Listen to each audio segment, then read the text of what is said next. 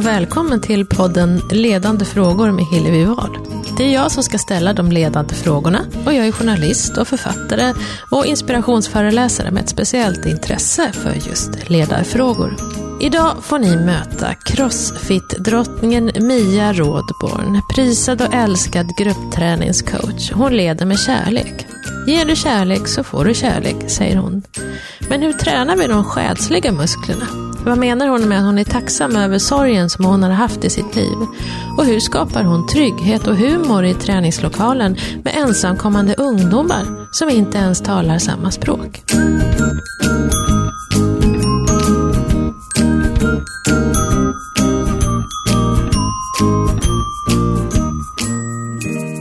Du, eh, du håller på med något ganska roligt som heter Activate to Integrate. Just. Vad är det för någonting? Det är jag och så två kompisar, eh, Nassim Al Fakir och eh, Martin eh, Ingerby, som har startat. Och eh, vi kände egentligen så här, eller jag ville så himla gärna göra någonting, för istället för bara sitta och må dåligt över att eh, det kommer så mycket ensamkommande barn hit och de har ingenting att göra. Och allt, man läser bara om allting hemskt som händer och eh, att det, allting är så tragiskt.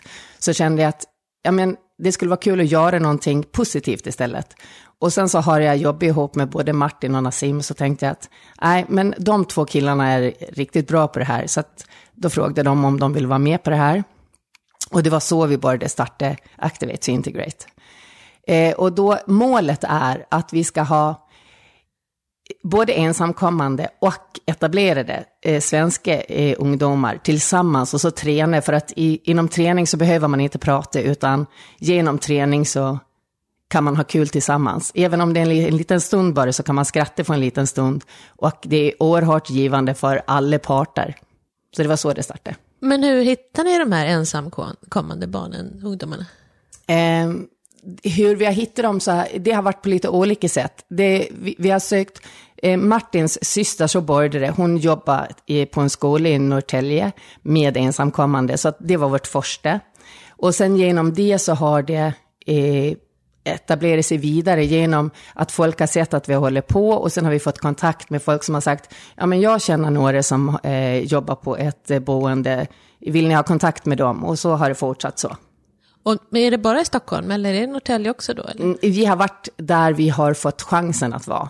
Så att, eh, men eftersom vi inte alltid tar bil utan vi får åka kommunalt och eh, det inte alltid har varit så himla enkelt att ta sig och sådär, så har vi närområde. Och så ska vi också hitta någon lokal att vara i och då har det varit enkelt att vara i Stockholm, för vi har mest kontakter här. Men vad händer då när de här, för då pratar ni inte alltid samma språk, alltså Nej verbalt, utan, men, men vad händer då när ni, när, för jag tänker alla är väl lite så här blyga, eller hur gör ni när ni ska träffas? Eh, vi börjar med att vi är...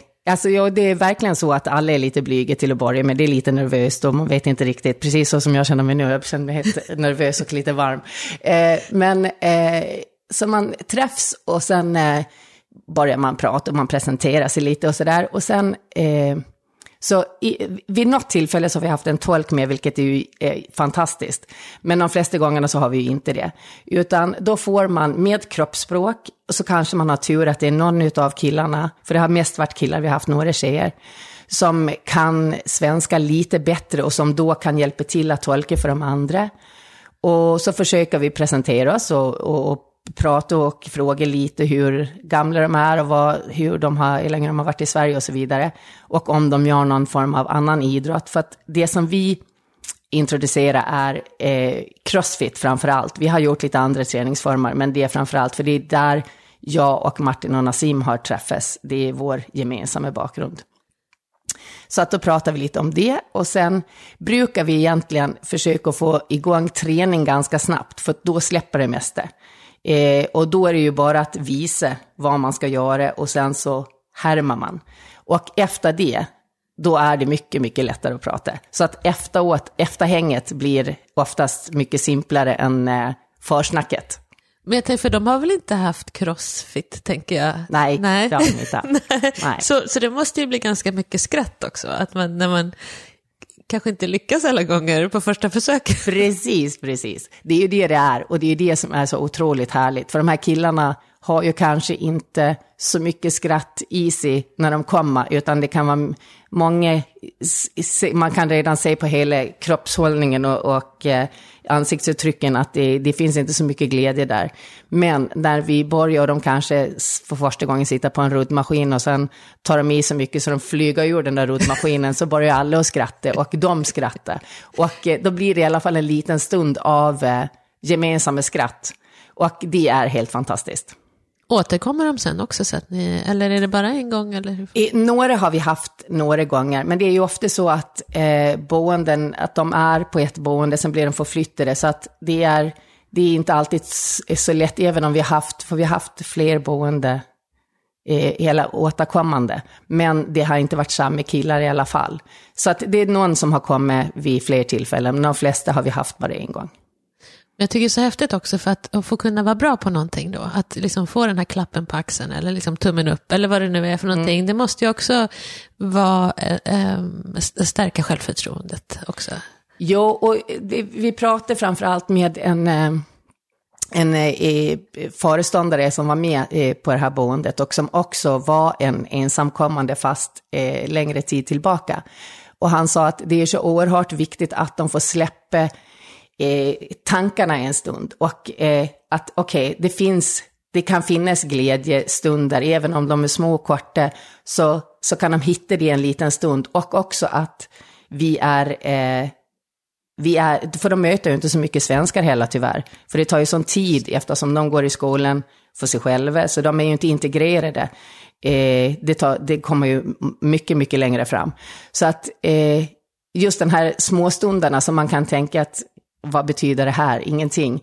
Eh, men det gör det. Och eh, de blir lite, alltså man, man, när de går därifrån så är de, de vet inte hur många gånger de vill krama en och eh, alltså det är, det är ju sån, det är sån boost för en själv. Så att alla borde göra det för att eh, det är sån lyx att få lov att göra det. Helt fantastiskt.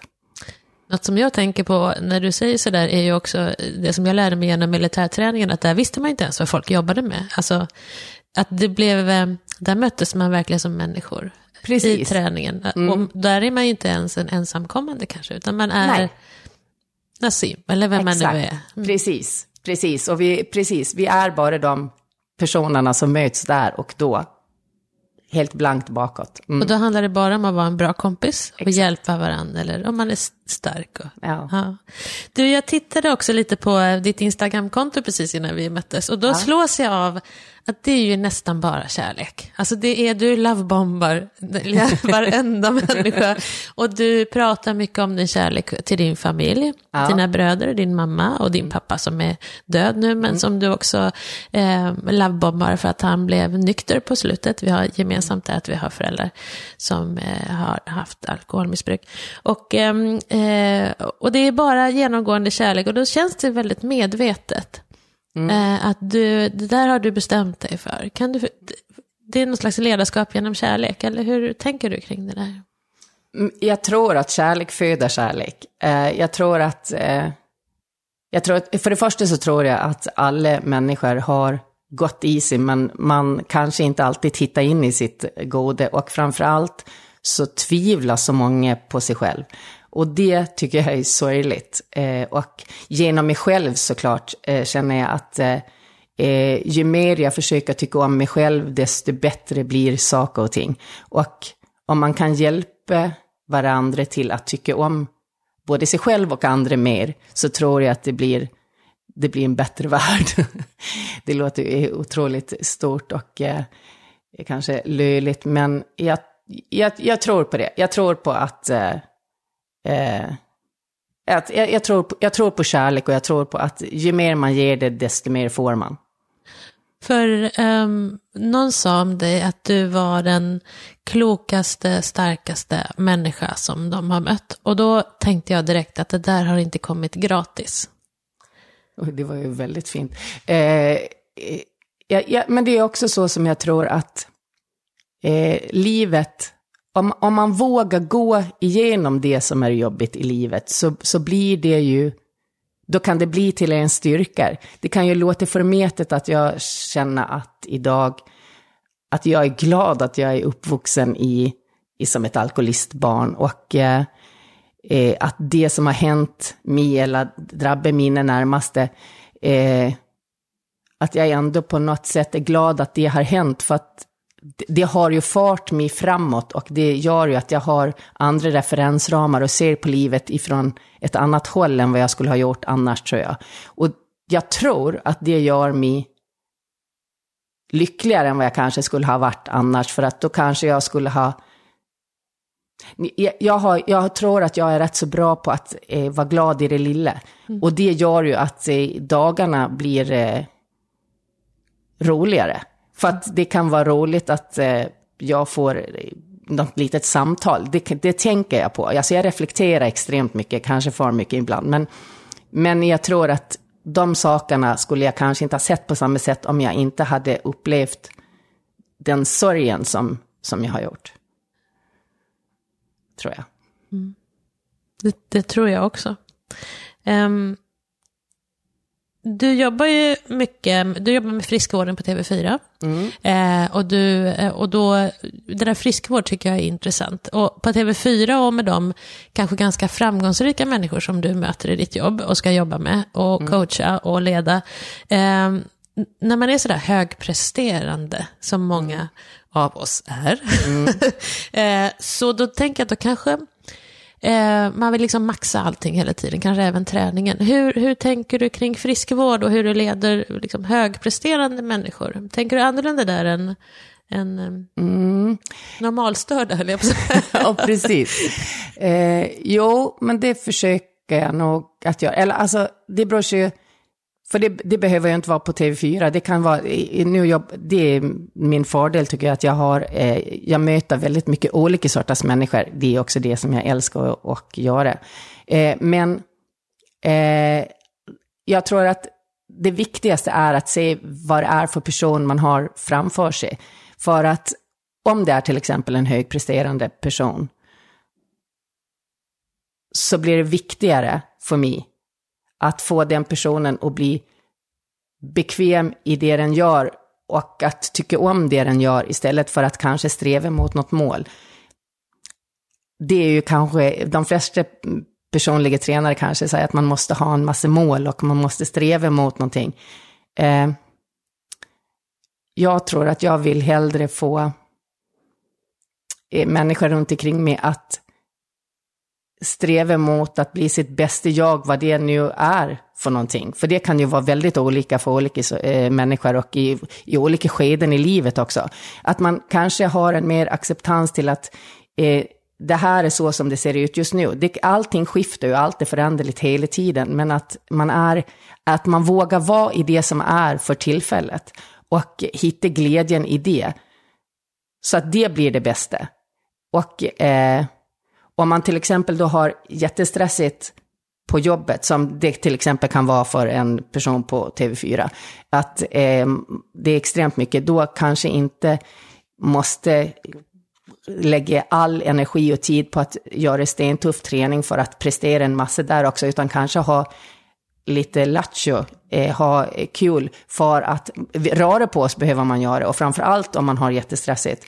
Men att man kanske också väljer att ha lugnare former av träning och att man hittar en balans. Så att saker och ting inte bara byggs på och blir en, en ännu en, eh, en ångestgrej eller en, en stressgrej, utan att att man hittar andningspauser, vad, vad det nu är för andningspauser, för det är ju också olika för olika människor. Men att man försöker hitta dem för de människorna. Det tror jag är det som jag försöker göra med det. det och det kanske inte de tycker låter så kul, så det kanske inte man kan säga på det sättet när man börjar, men att man på något sätt leder dem dit så att man hamnar där. Men hur, hur skapar man trygghet? Hur gör du? Någon, har, någon skrev om det, att det var som att landa i bomull. Mm, ja, det, det var fint. Ja, det är jättefint. Ja, men hur, hur, hur, gör du då rent konkret när du skapar trygghet, tror du? Jag tror, att, jag, jag tror också på att om man, eh, om man tar på människor, mm.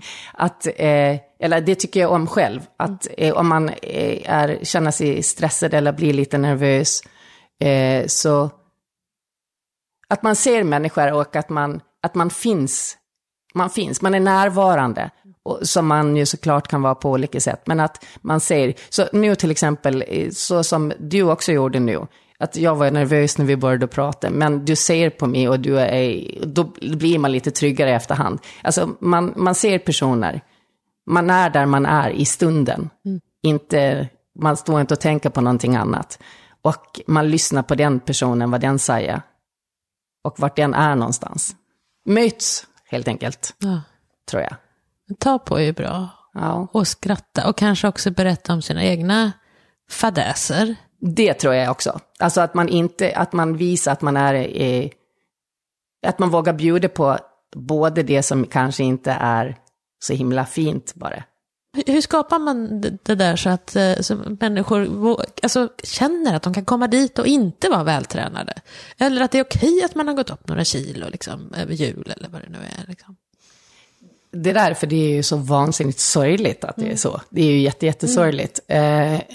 Eh, eh, men jag tror att där är det väl kanske viktigt, och där kan jag ha ju tur. Dels är jag gammal och dels är jag ganska skadad. Så att jag kan ju inte, till exempel inom Crossfit, så kan inte jag göra allting. Det kan vara både en förlust och det kan vara en vinst. Jag behöver jobba så att jag är så pass bra så att jag har respekten med mig, för att annars så blir det bara att, ja men den där tanten kan ändå inte göra någonting. Så det är ju viktigt att det, det blir balanserat. Men annars så kan det bli bra att, okej, okay, men hon hon är tvungen att skala, som det heter inom Crossfit, för att hon inte kan göra allting. Och hon har ändå kul. Då kanske jag också kan ha det. Och att jag tror att det är jätteviktigt att man pratar om det. Att vad är det du vill göra? Ska du... För, för till exempel om vi tar Crossfit som... Eh, där man också, det finns alltid ett tävlingsmoment, vilket är det som är en stor motivator inom Crossfit och vilket ju är positivt att så många blir motiverade av det och tycker att det är roligt. Eh, men det blir också en otrolig spärr för många som gör att de slutar på grund av just det. Därför att, nej men jag klarar inte det. Och nu har jag ju tränat här i två månader och så kan jag fortfarande inte göra det där. Eh, men att om man då sätter i det perspe i perspektiv att men du har hållit på med det här i två månader. Folk har hållit på med det här i flera år och de eh, eh kan fortfarande inte.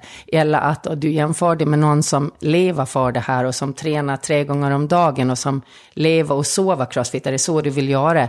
Är det den här tiden du vill lägga ner? Har du de fysiska förutsättningarna för att det ska kunna gå?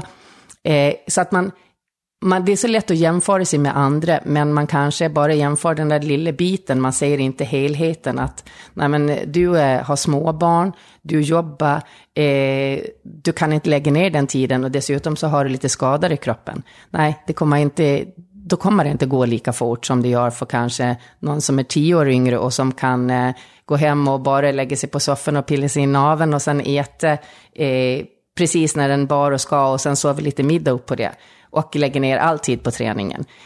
Utan att man ser vart man är någonstans och sen försöka ha roligt i det. Mm.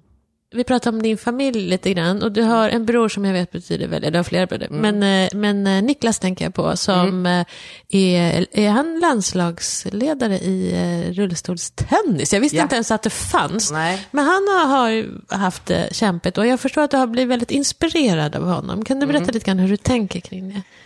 Eh, ja, han, vi har ju, vi, det är bara drygt två år emellan oss, så att vi har ju alltid varit eh, kompisar och sen så skadade han sig när han var 19. Och, eh, eh, så han hamnade i rullstol. Och han var ju en otroligt lovande hockeyspelare när han eh, skadade sig. Så att, eh, och dessutom så hade han precis innan han skadade sig förlorat sin flickvän eh, väldigt hastigt. Eh, så det, var, det, blev väldigt mycket trauman i vår familj. För vår pappa hade också skadat sig där innan, så det var så extremt mycket som hände eh, under fem veckors period. Men då när Niklas skadade sig, när man tänkte att okej, okay, nu ska han hamna i rullstol, hockey var det enda som han hade eh, och det enda som han eh, tänkte att okej, okay, ja, det här, det är det jag får göra. Jag får bli hockeyspelare för att resten skiter jag i. Eh, och hans sätt att se på eh, livet utifrån att han började och, eh, testa lite olika sporter och sen så hamnade han på tennis. Och se hur han tog sig vidare där, eh, såklart genom eh, vår familj som blev ännu tajtare eh, i allt det här som hände.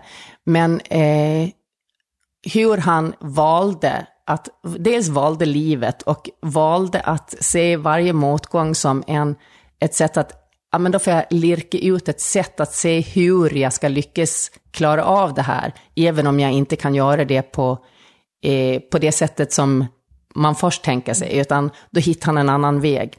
Det är otroligt inspirerande. Att inte ge upp. Eh, får man tänka kanske inte så mycket... Eh, saker och ting, där kan man se ganska många likheter inom crossfiten. Som, sånt som är, är svårt att... Eh, jag, kan, jag, jag, jag, kanske får fortsätta att träna och träna och nöta. För att om jag ser till att Niklas, bara att han ska ta sig upp ifrån, om han sitter på golvet, ta sig upp i rullstolen, eh, så är inte det så enkelt. Alltså det handlar inte bara om styrka, för att han har ingen bålstabilitet, eh, bålstyrka. Så att vi, det var en gång när vi eh, diskuterade om att träna pull-ups och eh, ta sig upp ifrån golvet, så sa Niklas så här, Ja, men du måste bara försöka och våga lite till. För att, som till exempel när jag ska ta mig upp ifrån golvet, då måste jag tippa fram så mycket så det är så äckligt så att jag nästan slår huvudet i golvet. För då, då balanserar han ju bara på sina armar och så en hand upp i stolen. Och när det känns som att jag nästan ramlar, då måste jag trycka ifrån allt vad jag är värd. Och han har ju ramlat flera, flera gånger innan han klarade av att ta sig upp där. Och eh, de sakerna, sådana, sådana små saker som man kanske inte riktigt reflekterar över, det brukar jag tänka på när jag tycker att saker och ting är jobbigt. Att, nej, men Niklas tänkte så om det här. Nu kan jag mm. bita ihop lite till och eh, försöka en liten stund till. Det går att hitta andra vägar. Alltså, kan jag inte springa, nej men då kan jag hitta på någonting annat att göra. Mm. Se möjligheterna istället för att eh, bara fastna i vad man inte kan. Exakt. Men tror du, eh, för på, precis på samma sätt som att man tränar upp muskler, mm. Eh, tror du, eller jobbar du mycket med att man ska träna sin inre kondition och sina inre muskler? Mm, absolut. Eh, för jag tror definitivt att allt hänger ihop. Alltså det går inte att särskilja inre och yttre. Alltså om du äter, sova, träna så innebär inte det att du mår bra och är frisk. Jag tror det är lika viktigt att eh, eh, man vårdar sitt inre, absolut. Eh, och där, som ger komplimanger till exempel, ofta går man ju och tänker saker och ting. Eh, som nu har jag tänkt att du, du har ju extremt glada ögon. Det, och det blir man ju glad att se. Ja. Men då är det mycket, mycket roligare att säga det än att bara gå och tänka det. Man går ju och tänker tusen saker, men säger inte dem. Det var ju till exempel en av anledningarna till att jag började med sån här eh, lovebombing. Att jag går och tänker en massa bra saker om olika människor, fast det, dels är det ganska, det är ju inte alltid man vågar säga det. För jag är egentligen ganska blyg. Men eh, eh jag vill säga eh, saker. Och då tänkte jag att då ska jag tvinga mig själv att säga dem där, alltså även om jag inte riktigt vågar så ska jag göra det. För att det är ju ingen som förmodligen kommer att bli arg på mig för att jag gör det. Nej.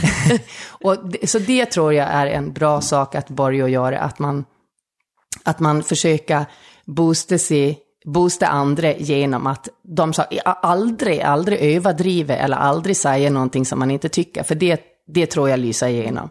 Det, jag tror det är väldigt viktigt att vara sann i det man... Det är än viktigare att vara sann när man ska säga fina saker. Mm. Eh, för att annars så blir det bara blaj av det hela.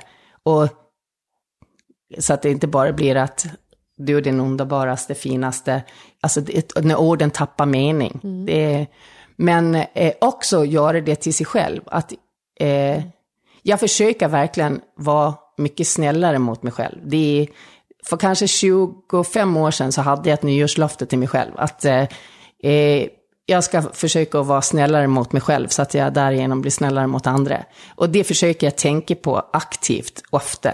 Att eh, ja men det där var ganska bra ändå. Och det där spelar kanske inte så stor roll om hundra år. Det är ganska, sätt det i lite perspektiv, där man liksom får panik över att man har gjort eller inte gjort. Skriver du ner det eller det där till dig själv? Nej, ibland gör jag det, fast Nej, jag, det, det, får jag aldrig riktig rutin. Jag tror, jag, jag har ju fortfarande vanlig analog eh, så här, kalender att skriva. Jag tycker om att skriva. Men jag, jag får aldrig riktig rutin på det. Men, men däremot så försöker jag fundera lite.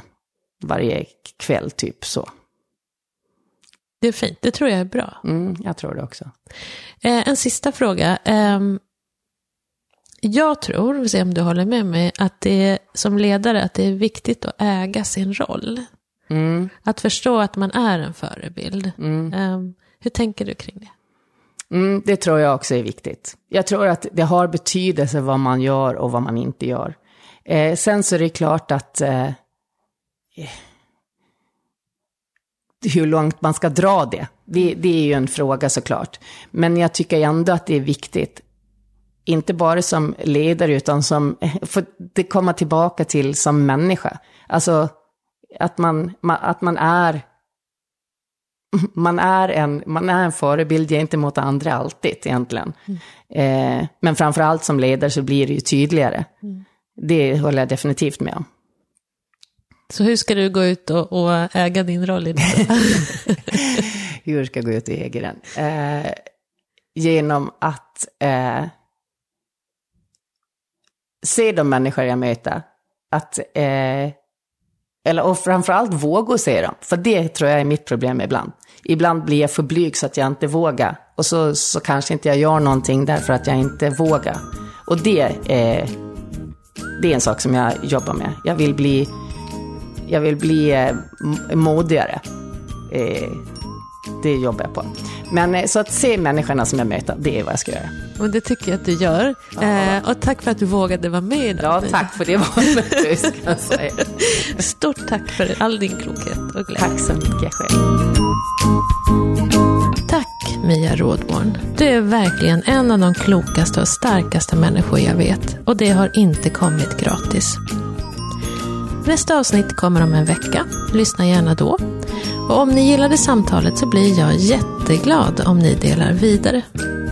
Vill ni kontakta mig eller ha synpunkter så finns jag alltid på hillevi.hillevi.nu. Tack för att ni lyssnade.